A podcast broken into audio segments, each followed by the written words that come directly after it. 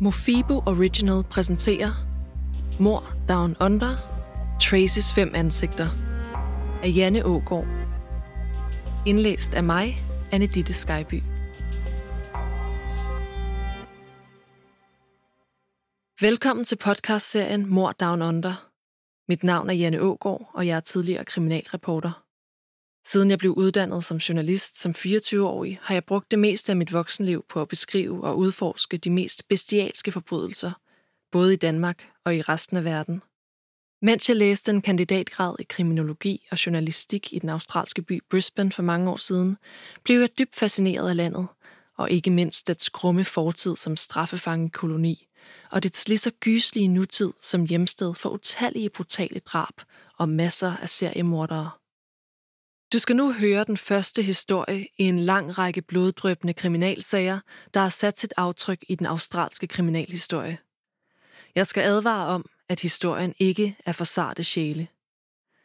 Dette er historien om et blodigt drab, der tryllebandt nationen, og en ung kvinde, der blev anklaget for at have slået en mand ihjel som en del af et grusomt ritual.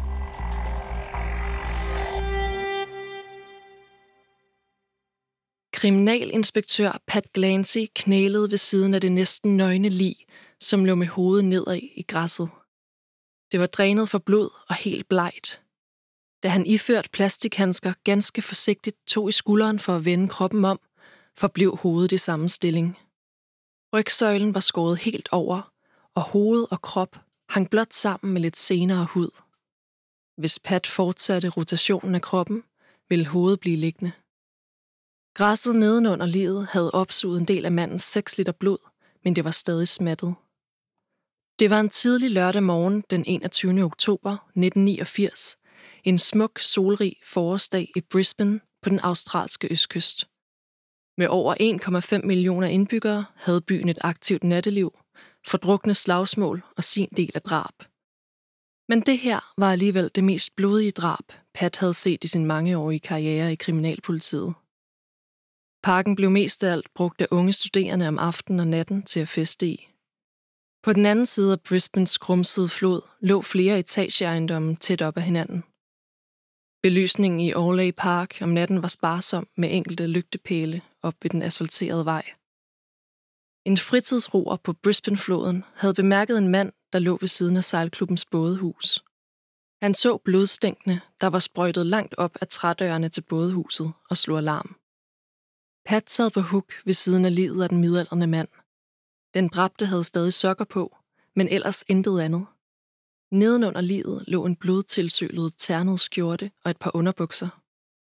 Lidt væk derfra på græsset stod et par billige brune lædersko.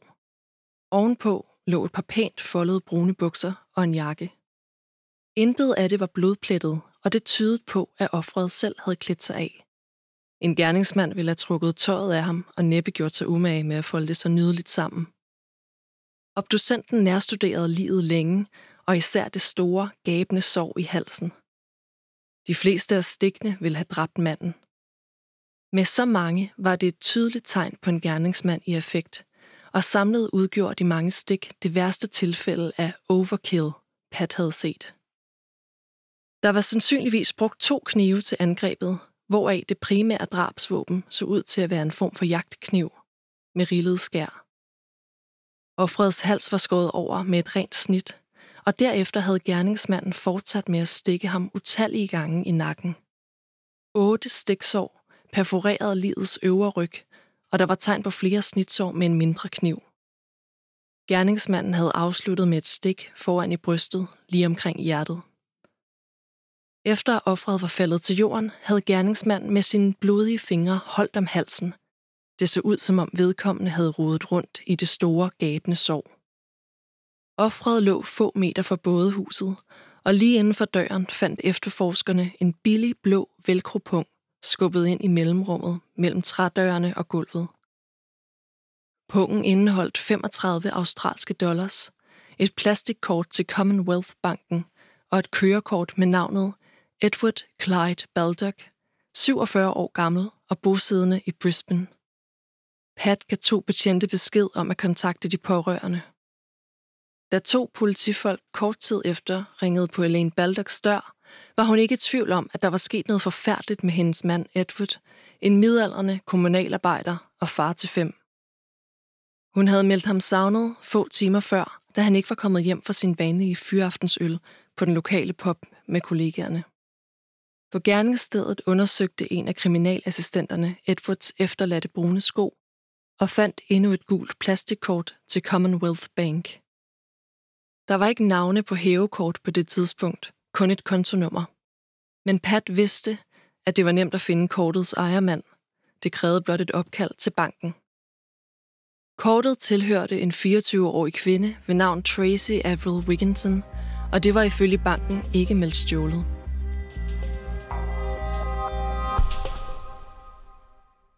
Ved tidtiden om morgenen tog de to efterforskere, Mick Austin og Jim Samias, turen godt 10 km nordpå til nabolaget Enoggera, en almindelig middelklasse forstad med en blanding af lave lejlighedskomplekser og diverse enfamilieshuse, omgivet af tørt græs, der kæmpede for at overleve i det subtropiske klima. Mick glippede med øjnene, da døren blev åbnet til lejligheden på første sal. Foran dem stod en 183 cm høj kvinde, 110 kilo tung og med karseklippet sortfarvet hår. Hendes top afslørede massiv overarme, og hendes skuldre bar masser af tatoveringer. De to introducerede sig som efterforskere for kriminalpolitiet, og Mick viste det gule bankkort frem og spurgte, om det var hendes. Tracy var venligheden selv, yderst velformuleret og virkede helt rolig. Hun så de to politifolk direkte i øjnene, mens hun fortalte, at hun tilbragte fredag aften med at køre rundt sammen med to veninder. De havde gået en sen aftentur i Orley Park, hvor de sad og talte længe på gyngerne ved legepladsen. Hendes bankkort måtte være faldet ud af lommen der. Den 24-årige kvindes historie lød plausibel, men Micks mavefornemmelse sagde ham noget andet. Hun virkede alt for rolig, set i lyset af, at der stod to politifolk og afhørte hende. Jim bad om lov til at se den bil, veninderne havde kørt i aften før, og Tracy viste ham vej til sin grønne Holden Commodore, der stod parkeret ved siden af lejlighedskomplekset. Imens Tracy gik op for at fortsætte snakken med Mick, åbnede Jim bagagerummet og fandt et gammelt håndklæde med noget, der lignede indtørret blod.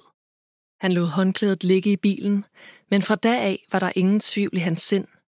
Tracy var involveret i drabet. Oppe i lejligheden fortsatte Mick med at udspørge Tracy. Dit bankkort blev fundet i forbindelse med en alvorlig sag. En mand blev fundet myrdet i parken. Jeg vil gerne have, at du følger med og viser mig præcis, hvor du tabte kortet.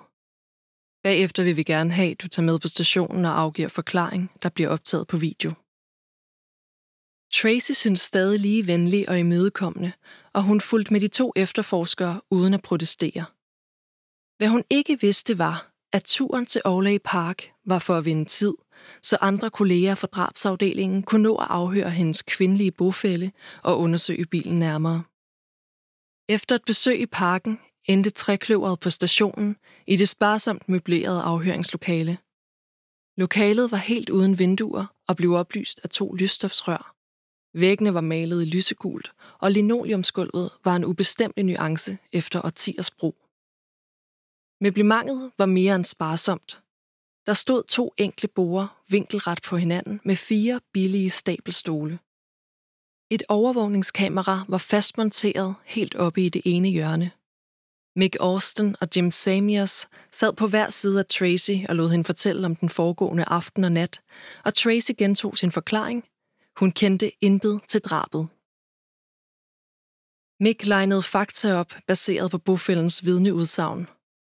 Tracy havde været ude hele natten, og da hun kom hjem samme morgen, havde hun virket chokeret og fortalt, at hun måske havde set et lig.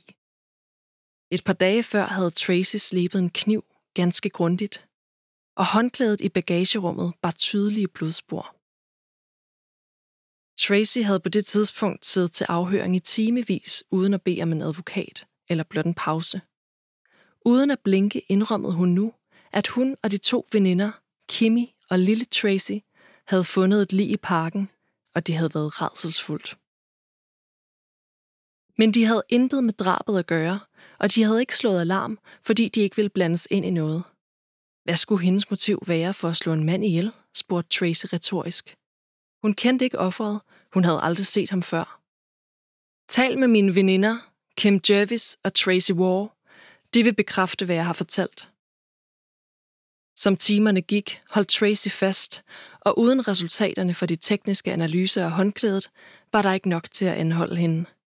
Men lige inden Tracy gjorde klar til at forlade afhøringslokalet, fik Jim at vide, at der var nye oplysninger. Han kom tilbage til lokalet med en rapport. Et øjenvidne havde meldt sig. En ung kvinde ved navn Lisa Tashinsky. Hun sad i et afhøringslokale ved siden af og havde indgående beskrevet, hvordan hun, Tracy og to andre kvinder havde cruiset rundt i byen og samlet den døddrukne Edward op. De havde kørt hen til parken, og der havde Tracy dræbt ham. Lyver du? spurgte Tracy, mens hun så Jimmy i øjnene. Nej, det er rigtigt nok, svarede han med et lige så stålsat blik tilbage. Okay, så tænd for videokameraet igen, og så skal jeg fortælle jer den rigtige historie. Tracy virkede blottet for følelser, da hun beskrev nattens begivenheder, som om det var en film, hun havde set på fjernsynet. Vi samlede den her mand op for gaden og kørte ham ned til sejlklubben. De tre andre blev i bilen, da vi holdt ind i vejsiden, og jeg lokkede manden med ned til vandkanten. Vi sad der et stykke tid, og det begyndte egentlig bare i sjov. Jeg ville bare gøre ham liderlig og så skride igen. Vi gik op til græsset, der hvor vi har fundet livet. Ingen andre var involveret. Han havde ryggen til mig, han røg en cigaret, og jeg dræbte ham. Jeg stak ham i nakken og blev ved med at stikke ham, og så sad jeg der og så på ham, mens han døde. Han kom med nogle gurglende lyde, og der løb blod ud af munden på ham. Hvordan hendes bankkort var endt i offerets skudsnude, anede Tracy stadig ikke. Hun kunne heller ikke forklare sit motiv for drabet, men hun gav oplysninger, som kun drabsmanden kunne vide. Meg og Jim var tilfredse med, at hun havde tilstået, og så måtte efterforskningen afklare de nærmere detaljer. Tracy blev anholdt og sigtet på stedet. Hendes tilståelse satte et effektivt punktum for en heroisk hurtig efterforskning. Inden for 24 timer havde drabsafdelingen anholdt en gerningsmand og sikret en tilståelse. Men hvorfor en ung kvinde havde samlet en tilfældig midaldrende mand op og slået ham ihjel så brutalt, var stadig et mysterium.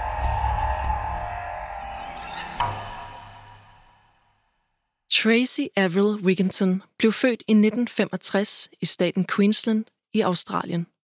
Hendes mor Rhonda blev forladt af sin mand Bill få måneder efter fødslen. Rhonda var bare 22 år, hårdt spændt for økonomisk, og hun drømte om frihed til at feste og bo i storbyen. Rondas velhavende forældre Avril og George Wigginton tilbød at lade Tracy bo hos dem. De kunne tilbyde den fireårige pige alt det, Ronda ikke havde formået at skabe. Faste rammer, stabilitet, et stort hus og en uddannelse på de bedste privatskoler. Rhonda vidste godt, at Wigginton-hjemmet, og men velhavende, også havde sine brutale sider. Igennem sin egen barndom havde hun savnet kærlighed og opmærksomhed, og hun var flyttet hjemmefra så hurtigt hun overhovedet kunne. Men Tracy var sin bedste forældres øjesten, så Rhonda håbede, at datteren ville få det bedre, end hun selv havde haft det. Avril og George havde nogle år tidligere adopteret to døtre, teenageren Doral og den 10-årige Michelle. Nu kom barnebarnet Tracy til flokken, og bedstemor Avril var lykkelig over sin flok på tre piger. Ægteparet var velhavende, ja faktisk selskabte millionærer. De boede i regionens kulturelle og handelsmæssige centrum, Rockhampton. Byen ligger centralt placeret på Australiens østkyst, mellem Brisbane i syd og Cairns i nord, og har en historisk fortid. Den var centrum for den første guldfeber, der ramte Australien 150 år tidligere i 1858. Den høje og let buttede George passede den blomstrende vognmandsforretning, hvilket betød, at han ofte var fraværende. Derudover havde han også en elskerinde. Det sled på ægteskabet, at George så åbenlyst fravalgte Avril i overvis. Til gengæld var forholdet mellem den ualmindeligt nuttede Tracy og hendes morfar tæt. Han sad ofte med den lille pige, med det lange brune hår, de mandelformede øjne og smilehuller, på skødet, og nogle gange virkede han helt forelsket i hende. Avril styrede hjemmet med hård hånd, og især smagte Tracys fem år ældre adoptivsøster Michelle ofte pisken. Hvis Tracy gjorde noget forkert i sin mormors øjne, afstraffede Avril i stedet Michelle og lod Tracy se på. Tracy følte sig evigt skyldig over at se sin søster blive straffet. Så meget, at hun genfortalte det mange år senere med uhyggelig nøjagtighed. Avril brugte den tunge ledning til strygejernet til at afstraffe Michelle, og nogle gange bandt Avril hende til en pæl under huset og lod hende sidde der i dagevis. Som 12-årig løb Michelle væk, men de sociale myndigheder fandt hende og bragte hende troligt tilbage, uden at tro på pigens anklager om mishandling. Hver lørdag tvang Avril levertran i døtrene for at skylle det onde ud. Avril havde ikke haft nogen kærlig barndom selv. Avrils to søstre fortalte mange år senere, at de alle tre var blevet misbrugt i en ganske ung alder. Manglen på kærlighed i sin egen barndom gjorde Avril hård og ude af stand til at vise kærlighed. Avril gav i en periode Tracys biologiske far Bill lov til at besøge hende. De så hinanden hver uge, og Tracy plagede tit om at se sin far oftere. Men den bare femårige pige blev dybt jaloux, da Bill fik en kæreste. Et år senere fik han et job mange hundrede kilometer væk, og kunne ikke længere se sin datter regelmæssigt. Tracy blev ikke alene forladt af sin mor, men også sin far. Først mange år senere mødtes de igen. Tracy fik aldrig lov til at tage jævnaldrende med hjem. I stedet opsøgte hun sin store søster Michelles selskab. På trods af aldersforskellen mellem de to og Avrils mange forsøg på at skille dem, blev de bedste venner. Michelle var faktisk Tracys eneste ven. Tracy var et hoved højere end klassekammeraterne, og hendes voksne sprogbrug afskrækkede de andre børn. De syntes, hun var mærkelig. Da Michelle som 16-årig havde fået nok af tæv og stak af for aldrig at vende tilbage, efterlod hun Tracy alene i Wigginton-hjemmet. Senere fortalte Michelle sin søster, at hun altid ville føle skyld over ikke at have taget Tracy med sig. Med årene begyndte Tracy at efterspørge mere frihed, og som 11-årig fik hun allernådigst lov til at melde sig ind i en katolsk ungdomsgruppe. Hun havde svært ved at få venner, men en af lærerinderne fik medlidenhed med hende og blev hendes fortrolige. Tracy nævnte for hende, at hun havde mænd og havde haft dårlige seksuelle oplevelser. Senere fortalte hun andre om, at hendes morfar George voldtog hende, og men andre familiemedlemmer ville benægte det. Om natten delte hun seng med sin mormor, og hun slæbte rundt på et gammelt nusset pudebetræk som en slags trøsteklud.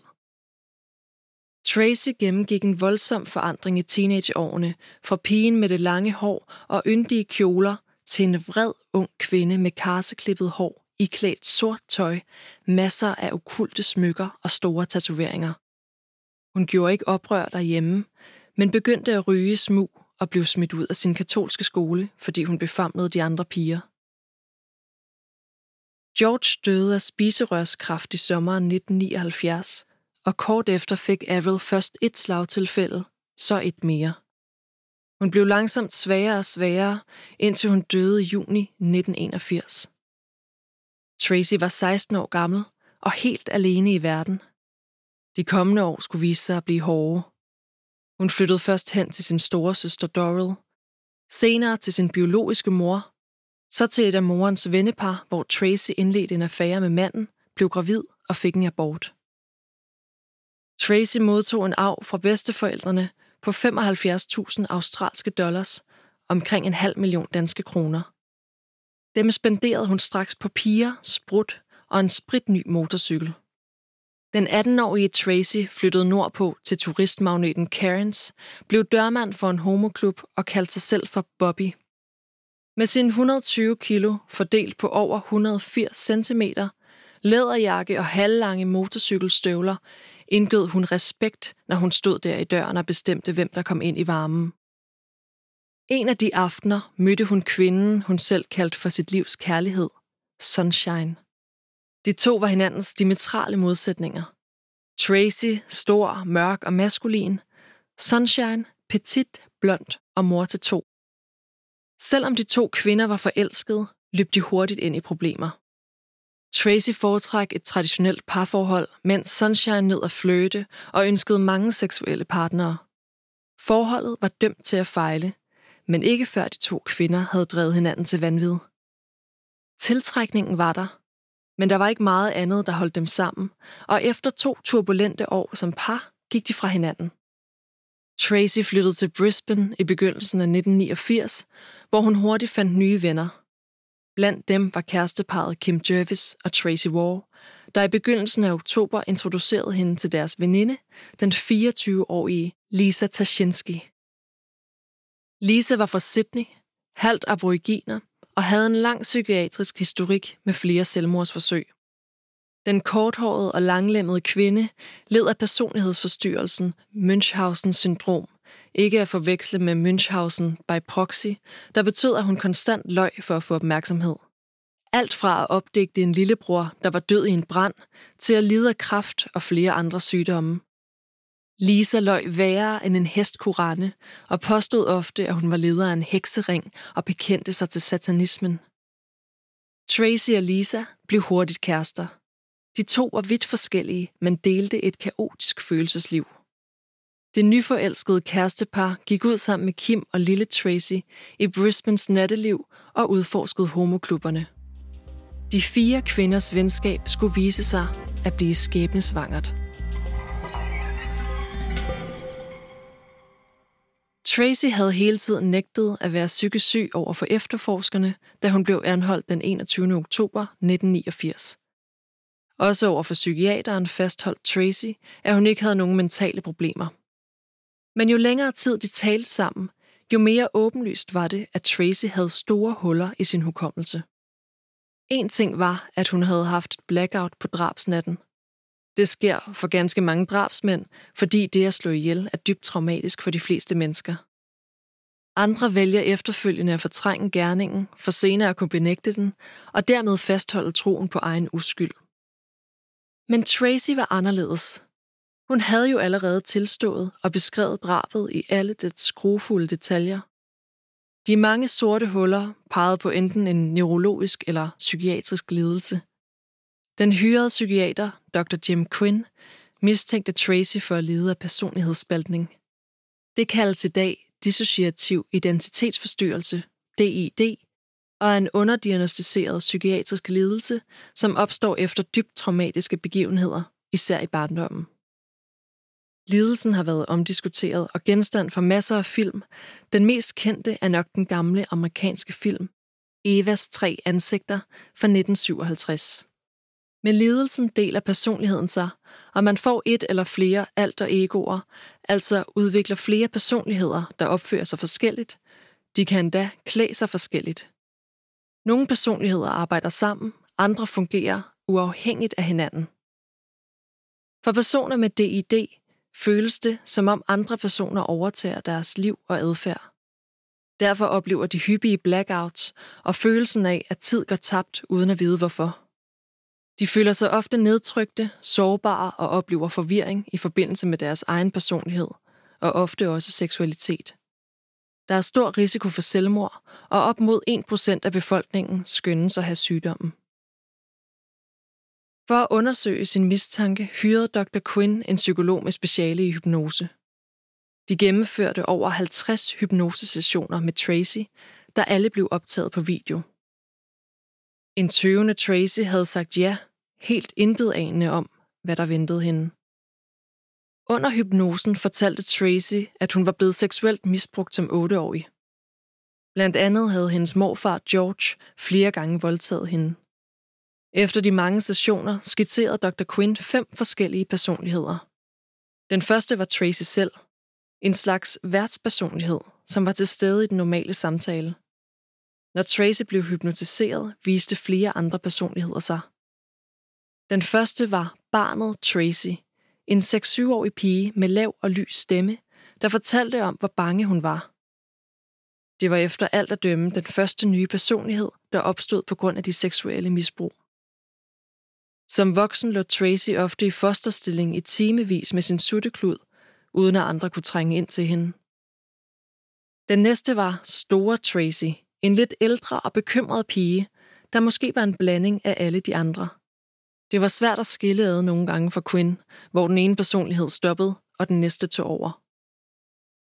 Den tredje personlighed kaldte sig for Bobby og fortalte, at han var en 16-årig dreng, der første gang dukkede op efter at den dominerende mormor døde.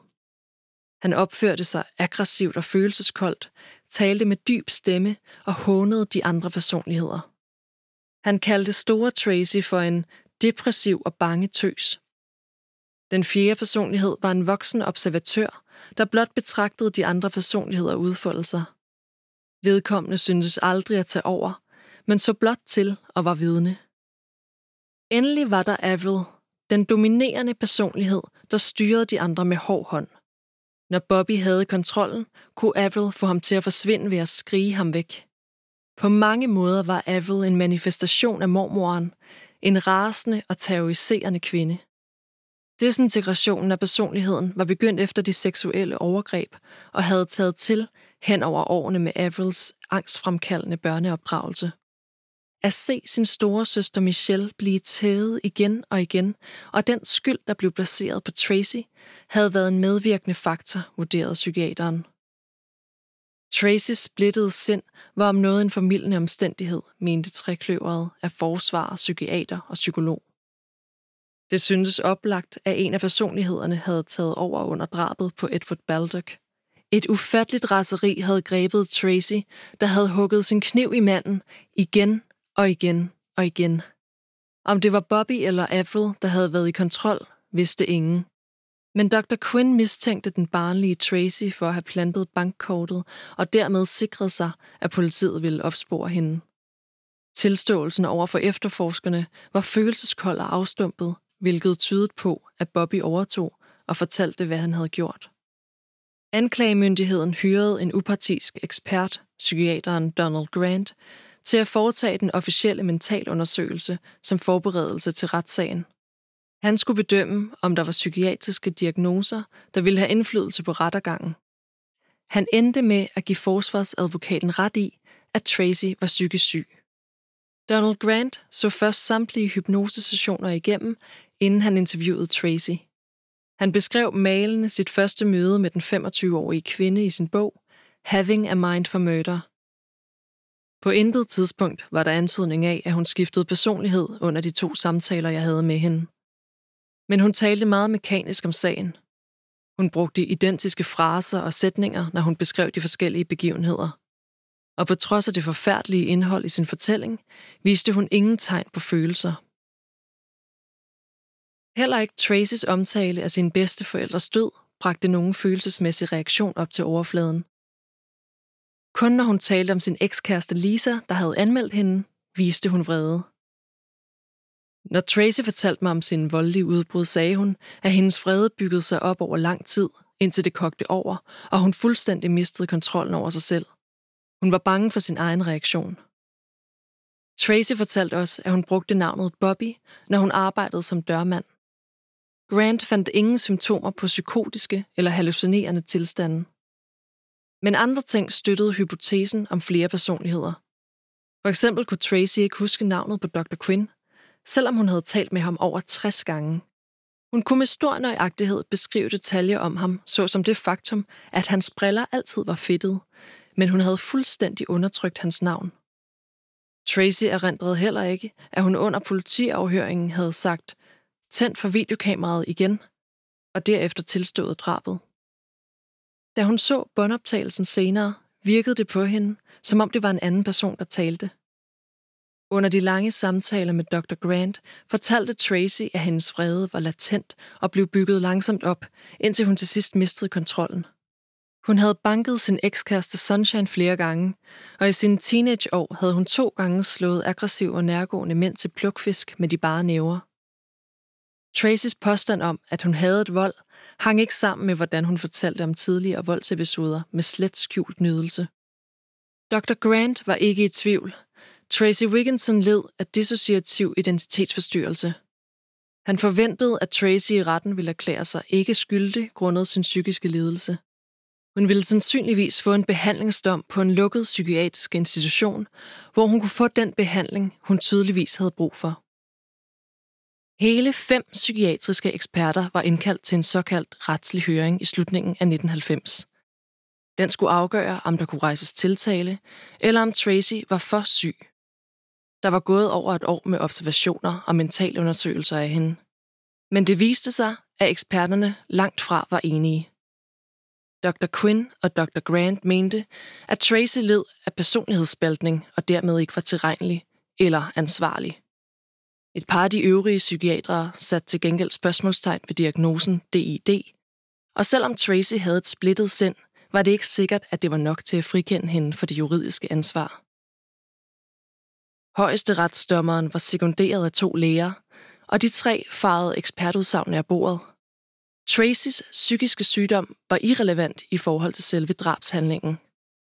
Tracy var dermed, uanset diagnosen, ansvarlig for de forbrydelser, de andre personligheder havde begået. Det blev ligegyldigt, hvorvidt dele af hendes personlighed var psykisk utilregnelige i gerningsøjeblikket. Desuden mente dommeren, at Tracys udsagn under hypnosen ikke nødvendigvis skulle anses som 100% sandt. Måske var det bare en gentagelse af en fantasi, eller et falsk minde, eller et forsøg på manipulation. Dilemmaet om tilregnelighed var dermed løst. En psykisk syg person var rask nok til at blive dømt, uagtet den australske retsplejelov om psykisk syge kriminelle. Men inden en egentlig retssag blev berammet, tog Tracy sagen i egen hånd. Hun fyrede sin beskikkede forsvarer og meddelte anklageren, at hun erklærede sig skyldig og var klar til at modtage sin straf. Den offentlige anklager, Adrian Gundelag, tøvede ikke og bad om at få retssagen berammet øjeblikkeligt. En januar morgen blev en dommer hasteindkaldt og læste udtalelsen fra Dr. Quinn om, at Tracy Wigginton var psykisk syg og derfor ikke egnet til straf. Han spurgte Tracys nyudpegede forsvarsadvokat, om hun ønskede at ændre sin tilståelse og erklære sig ikke skyldig på grund af psykisk sygdom. Nej, herr dommer, svarede advokaten efter at have adspurgt sin klient. Ifølge straffeloven i Queensland medfører drab automatisk en livstidsdom, og dermed var sagen afsluttet. Det tog i alt 9 minutter. Højesteretten i Queensland idømte den 21. januar 1991 Tracy Avril Wigginton til livstid i fængsel med afsoning af minimum 13 år, inden hun kunne søge om prøveløsladelse. Dommen over Tracy Wigginton skabte ingen overskrifter, og det var nøjagtigt det, Tracy ønskede at få fred. I Brisbanes førende avis, The Courier Mail, var forsiden udelukkende forbeholdt Operation Ørkenstorm om golfkrigen, som George W. Bush indledte, og som Australien støttede ved at sende tropper.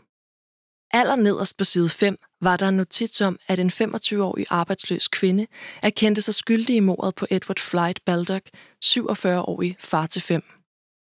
Den dømte modtog dommen, fængsel på livstid. Med dommen slap Tracy for flere samtaler med psykiatere, slap for at skulle vidne i retten, slap for at møde Edwards sørgende enke, slap for at få sit liv blæst ud til omverdenen af medierne. Mest af alt undgik hun at vidne i retssagen mod sine tre venner og medtiltalte, Tracy Wall, Kim Jervis og Lisa Tashinsky. Måske håbede hun på, at hendes tilståelse ville give dem en blidere behandling. Tracy havde ingen anelse om, hvad der var i vente. Bare 10 dage efter lyndommen over Tracy i Queenslands højesteret, begyndte retssagen mod de tre medtiltalte, Tracy War, Kim Jervis og Lisa Tashinsky. Det var den 31. januar 1991, en brændende varm dag i Brisbane med over 35 grader. Indenfor kørte airconditionanlæggene på højtryk i den store retssal, hvor der var plads til både pårørende, tilhørere og medier. Tracy Wigginson havde for første dag påtaget sig skylden for drabet og fortalt, at de tre veninder ventede på hende oppe på vejen i den grønne Holden Commodore. Det havde ikke stoppet den offentlige anklager Adrian Gundelach i at rejse tiltale for drab mod de tre andre. På tilhørerpladserne sad både offrets sørgende enke, Elaine Baldock, og de tiltaltes pårørende. Da ingen af de tre kvinder ønskede at afgive forklaring i retten, var anklageren nødt til at bruge de gamle videoafhøringer af kvinderne. De var optaget lige efter drabet og var medvirkende til at sammenstykke begivenhederne den aften i oktober 1989. Den 23-årige slanke Tracy War mødte op på første dagen af retssagen sammen med sine forældre. Hun var i lyst tøj, uden makeup, og hendes skulderlange mellembrune hår var sat op i en hestehale. Hun fremstod meget stille og sky. Som 19-årig havde lille Tracy sin første homoseksuelle oplevelse, men først fire år senere sprang hun ud som lesbisk og blev officielt kæreste med den mere maskulint udseende Kim Jervis. Til politiet fortalte lille Tracy under afhøringen, at Tracy Wigginson alene ved tankens kraft kontrollerede de andre i gruppen. Hun nævnte aldrig, at det i virkeligheden var hendes kæreste Kim og ikke Tracy. Den 24-årige og selvsikre Kim var vokset op i et problemfyldt hjem og blev seksuelt misbrugt af en nabo som ganske lille pige. På trods af det havde hun klaret sig. Kim var udadvendt, meget social og ofte vennekredsens naturlige leder. Kim så godt ud. Hun brugte masser af makeup, havde fyldige læber og langt, tykt, mørkt hår. Hun bar helst sort tøj, og hendes yndlingsbeklædning var en sort satinvest med purpurfarvet ryg og en masse små flagermus. Kims yndlingssted til at holde piknikker var kirkegården i Brisbane-forstaden Toowong, og hun var besat af filmen Hunger med David Bowie og Catherine Deneuve som smuk og umættelig vampyr. Det var ikke usædvanligt i slutningen af 1980'erne at være optaget af det okulte, og en af homoklubberne blev kaldt Morticius, bedemandens, og var ifølge rygterne mødested for ledelsen af en gotisk kult. For Kim var okkultisme og magi en hobby. Hun forærede Tracy Wigginson en bog om grev Dracula og talte ofte om ofringer. Ifølge Kim, lille Tracy og Lisa havde Tracy talt om at ofre en mand nogle dage inden drabet. Ingen af dem havde troet på, at Tracy havde ment det for alvor. Videoafhøringer af de tre blev vist i retten. Kims forklaring var fra begyndelsen, at Tracy i virkeligheden var vampyr, og at hun havde forhekset de tre andre. En dag var Tracy forsvundet som duk for solen, og kun hendes katteøjne var synlige. Lille Tracy War gentog historien under sin afhøring og sagde, at Tracy var en djævletilbeder, der kunne forsvinde for øjnene af folk. Lisa havde over for venner påstået, at Tracy var vampyr, og at de sammen havde indkøbt griseblod til hende. Tracys bofælle var indkaldt som vidne og fortalte, at hun havde set Tracy slibe sine to knive ugen op til drabet. Den ene kniv var en 20 cm lang jagtkniv, som Tracy havde gået med i overvis, gemt i den ene støvle. Den anden var en foldekniv med todelt skæfte, også kaldet en butterfly-kniv, og den så helt ny ud. Fredag den 20. oktober 1989 var de fire kvinder gået ud sammen på en ny homobar i Brisbane's Fortitude Valley. Først havde Tracy hentet Lisa ude i forstaden Ipswich i den grønne Holden Commodore. Derefter mødtes de med Kim og lille Tracy. Alle fire var klædt i sort og bestilte champagne. De forlod baren langt tidligere end normalt, en halv time før midnat. I retten fortalte de tre kvinder, at Tracy havde fået ideen om at samle nogen op, og de havde set en stinkende fuld mand klamre sig til en lygtepæl. Det var den 47-årige Edward Baldock. Tracy tilbød ham et lift hjem, men i stedet for kørte de til West End mod Orley Park. Tracy og Kim hjalp manden ud af bilen. Er du luder? spurgte en fuld Edward, hvor til Tracy svarede, nej, men jeg lover dig at give dig dit livs oplevelse. Tracy havde i sin tilståelse fortalt, at de to, Edward og Tracy, havde klædt hinanden af. Det var med al sandsynlighed her, at Tracys bankkort faldt ud af hendes BH. Tracy sagde, at hun skulle tisse, men gik i stedet op til bilen, og ifølge Lisa sagde hun, han er for stærk, jeg kan ikke gøre det alene, og kiggede direkte på Kim. Men Kim undveg og sagde, jeg kan ikke, jeg kan ikke gøre det. Lisa sagde, så gør jeg det, og tog den kniv, Kim havde taget med. En særlig kniv kaldet athame med skær i begge sider, der bruges i hedninge og hekseceremonier. Men da Lisa skulle til at bruge kniven, kunne hun ikke gennemføre det. Hun stod som forstenet, fortalte hun i retten. Måske var det, mens de to kvinder stod op ved bilen, at Edward havde skubbet sin tegnebog ind under bådehusets dør, måske af frygt for at blive rullet. På jorden så han det gule bankkort til Commonwealth Bank og troede måske, det var hans eget og puttede det ind i snuden på sine brune sko, han havde stillet lige så fint. Da kvinderne kom ned til Edward, stod han afklædt på nær sine sokker og stod med ryggen til og så ud over floden. Tracy tog sin store jagtkniv og stak Edward i nakken, og Lisa kunne høre lyden af stål ramme rygsøjlen. Edward faldt sammen, mens han skreg om hjælp. Den store halspulsåre var skåret over sammen med rygsøjlen, og på ganske få minutter forblødte Edward, mens Tracy blev ved med at stikke. Da Edward lå død, løb Lisa op til bilen, mens Tracy vaskede armene rene for blod i flodens mudrede vand. Tracy hentede et gammelt håndklæde i bagagerummet for at tørre sig, og Kim gik med hende ned og så på livet. Kun lille Tracy blev siddende i bilen og ville ikke med. Ifølge Lisa kørte hun bilen til Kims lejlighed, men da de ankom, opdagede Tracy, at hun havde tabt sit bankkort. På vej tilbage til gerningsstedet blev de to stoppet af politiet, der udførte en spritratsja i Indre By. Lisa var tæt på at bryde sammen og gå til bekendelse, men hun holdt facaden, blæste i algometeret og fik lov til at køre. Dog med en advarsel for at have glemt sit kørekort. De endte med at opgive at lede efter kortet, og Lisa var hjemme klokken syv, og Tracy var blevet ædru nok til at køre den grønne Commodore hjem til sig selv. Den morgen havde Kim ringet flere gange til Lisa. Hun og Tracy havde aftalt, hvordan tabet af kortet skulle forklares til politiet. Og Lisa skulle holdes udenfor. Hun var det svageste led og den mest sandsynlige til at tilstå. Lisas bofælde vidnede i retten om telefonopkaldet, hvor Kim sagde, Tracy sidder i saksen. Hun er ude. Hold din kæft lukket. De ved ingenting om dig. Jeg har alt for meget på spil, så hvis du siger noget til nogen, kan du være sikker på, at jeg også tager dig med i faldet. Efter opkaldet brød Lisa sammen og sagde, Vi slog nogen ihjel i går aftes, så Tracy kunne drikke blod. På trods af alle advarsler og trusler, kunne Lisa ikke stoppe og fortalte i detaljer bofælden om aftenen før. Og det var bofælden, der ledsagede Lisa til politistationen i Ipswich den lørdag eftermiddag. Den vagthavende troede ikke sine egne ører, men da han ringede til drabsafdelingen i Brisbane og hørte om fundet af Edward Baldock, passede det hele. De havde fundet deres drabsmænd.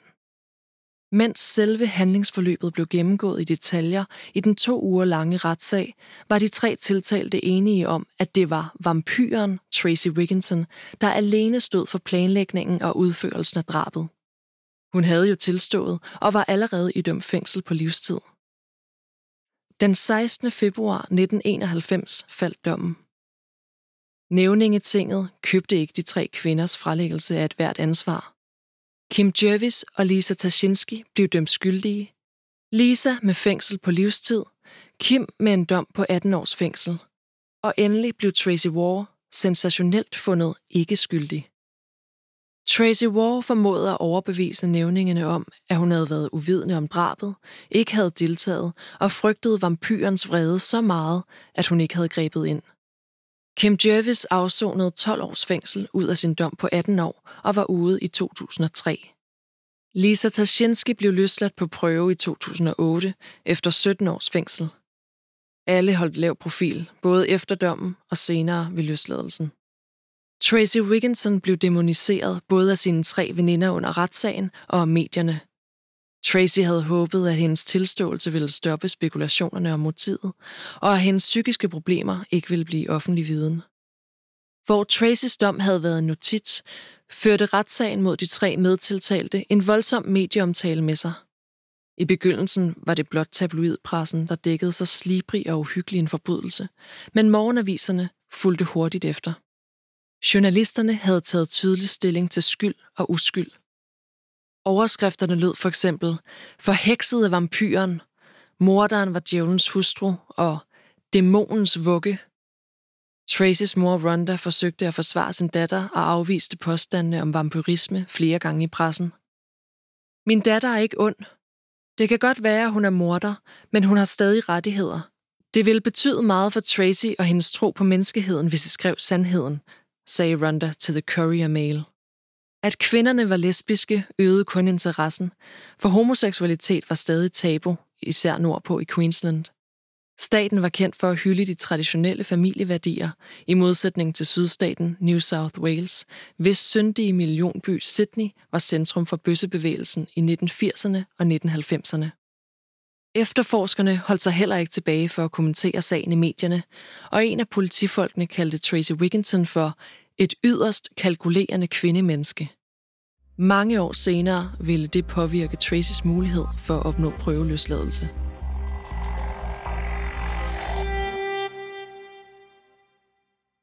Tracy Wigginton afsonede sin livstidsdom i et særligt kvindefængsel i udkanten af Brisbane.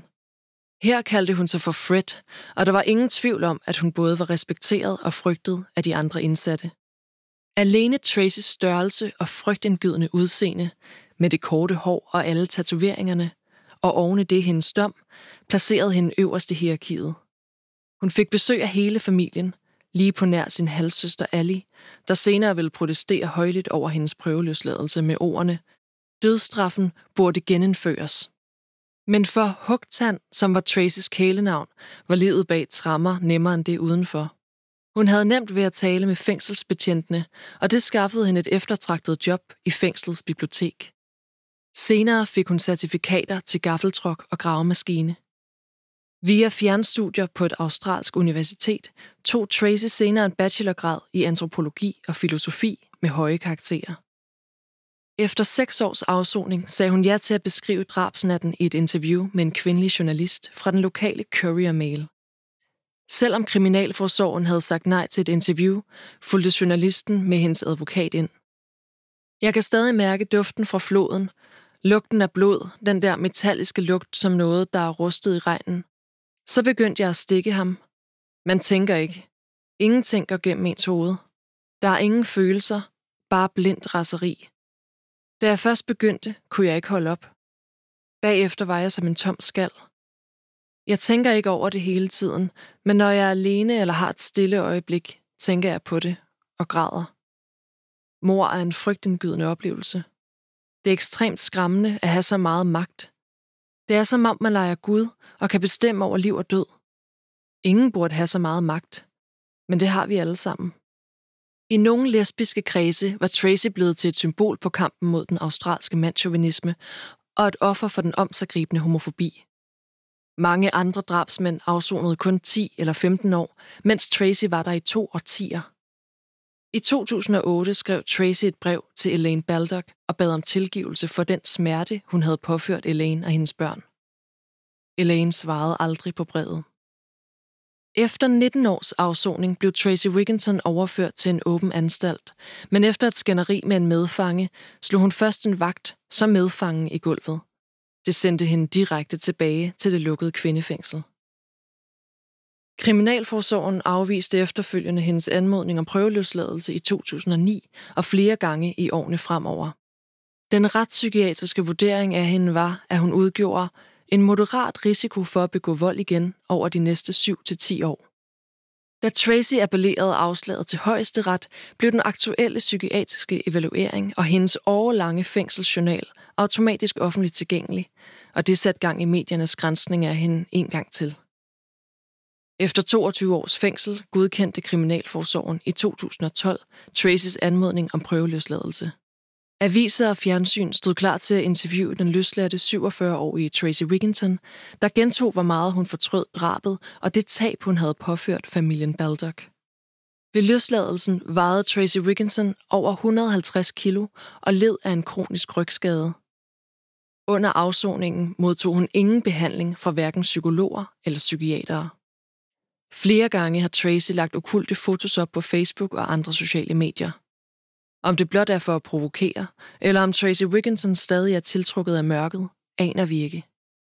I dag bor Tracy i Brisbane tæt på sin mor Rhonda, lever af en beskeden invalidepension og rapporterer til kriminalforsorgen med jævne mellemrum. Det skal hun gøre resten af livet. Tracy har siden løsladelsen ikke været i konflikt med loven.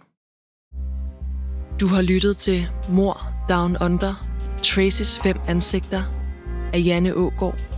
Indlæst af mig, Anne Ditte Skyby. Serien er produceret af Storyside i 2021. Få adgang til tusindvis af gode lydbøger på Mofibo. Gå ind på mofibo.com og brug koden DOWNUNDER, når du opretter dig.